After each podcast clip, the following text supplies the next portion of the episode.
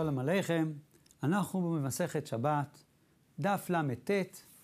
היום נלמד, נושא הראשון, מהי הסכנה הגדולה בהליכה אחר החומריות. הנושא הבא ננסה להבין, האם מהגיהנום יכולים לצאת גם דברים טובים.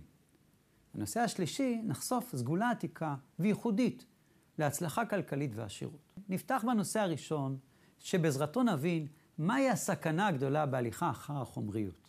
על ידי לימוד הסיפור, ידוע המבול שהיה בימי נוח. כאשר הביא השם את המבול בתקופת נוח כדי למחות את העולם, הכל נמחק. לאחר שבני אדם חטאו. ברותחים קלקלו וברותחים נידונו. נפתחו מעיינות מן התהום, וגם מן השמיים ירדו כמויות אדירות של מים. ונמחתה כל האנושות וכל בעלי החיים, חוץ מאלו שהיו בתוך התיבה. לא נשאר כלום. מה כן נשאר? היום נראה את ההמצאה של אנשי טבריה. הגמרא אומרת, מעשה שעשו אנשי טבריה והביאו סילון של צונן לתוך חמה של חמין. כמו שאתמול סיפרנו, שאנשי טבריה מצאו דרך. הם היו הולכים בערב שבת, והם מוליכים צינור של מים קרים לתוך תעלה של מים רותחים. התעלה ששם זרמו מים חמים מחמי טבריה. והמים המעורבים היו ממשיכים לזרום לבית המרחץ ומגיעים כשהם בחום המתאימים לרחצה. לא רותח מדי ולא קר מדי. ממתי המים בחמי טבריה חמים? האם כך נברא העולם? מתברר שבבריאת העולם הם לא היו. אז מתי נוצר המעיינות? הם לא היו.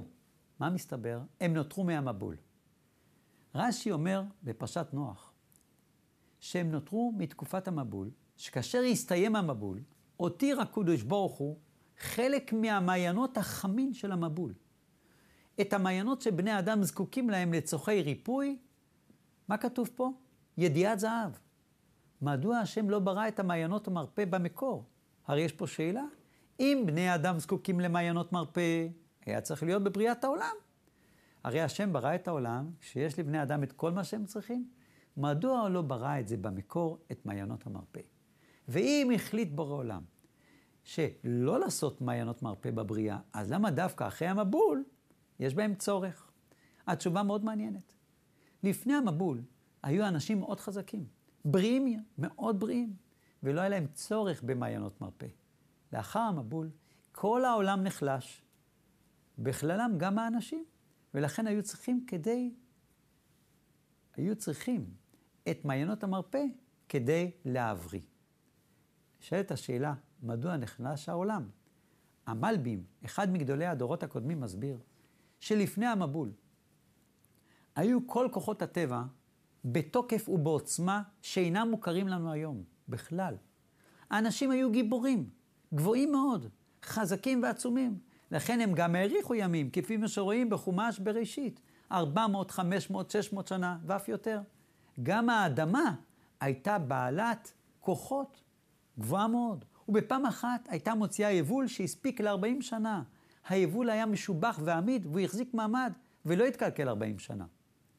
מה קרה? החומריות הורידה למטה את האנושות. התוצאה הייתה שבני אדם שהם היו כל כך עוצמתיים, שקעו בתוך החומר, לכן הם נכשלו. לפיכך, החליש השם את טבע הארץ, ואת כוח החומריות, וצריך לזרוע כל שנה, ולקצור בכל שנה, וכך יצר הרע גם חלש יותר. אוילו בני אדם נהיו חלשים יותר, הם זקוקים לחמי טבריה, דווקא אחרי המבול. לכן השם, מהמבול, הוא השאיר את המעיינות הח... החמים, כדי שאנשים יוכלו להבריא.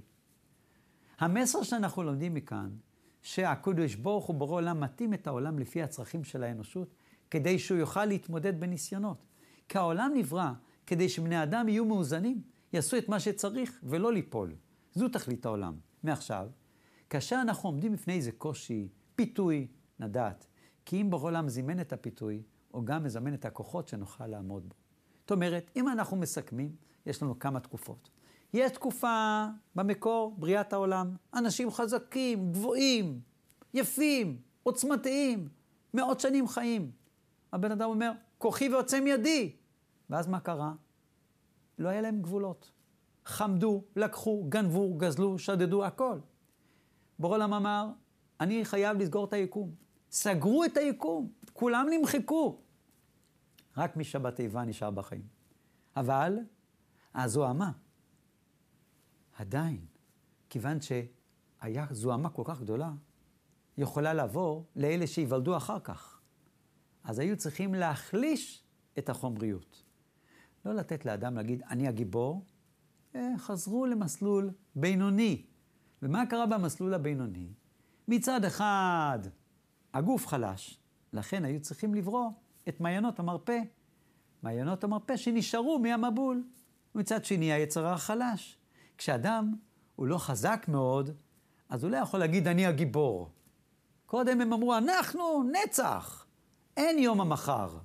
אבל פתאום הבינו שהבן אדם הוא שברירי, יש מחלות, יש חוזקות, יש חולשות, היצר הרע נחלש וגם הגוף נחלש. ומזה אנחנו לומדים שכל העולם הוא עובר שינוי לפי התקופות, עולם היצרים ועולם החומריות, יש בו את החיבור. הנושא הבא שיש לנו היום, האם מהגיהנום יכולים לצאת גם דברים טובים? הגמרא מבררת מה המקור, החום של חמי טבריה. מי חימם את המים האלה? איך המים הללו מתחממים יותר ממים רגילים שנמצאים בכדור הארץ? מסתבר, אומרת הגמרא, שהם חולפים הפתחה דגיהנום. המים האלו, בחמי טבריה, הם התחממו באש. איזה אש? אומרת הגמרא, המקור החום שלהם, שהם עוברים על פתח הגיהנום. מה זה ביקור בגיהנום? אף אחד מאיתנו לא רוצה לבקר בגיהנום, ובורא עולם יעזור שלא נגיע לשם. אבל הרמב"ן לפני קרוב ל-800 שנה אומר, שאם הגמרא מזכירה את הפתח הגיהנום לחמי טבריה, מפה יש הוכחה שהחום של אש הגיהנום הוא לא רק סימבולי, הוא גם משהו מורגש בחושים הגשמיים. הוא מצליח לחמם את המים. בואו נחשוב על ההרגשה הזו, לטבול בתוך המי טבריה, לעשות אה-אה בתוך המים החמים שהתחממו מהגיהנום. מה המסר? אין רע.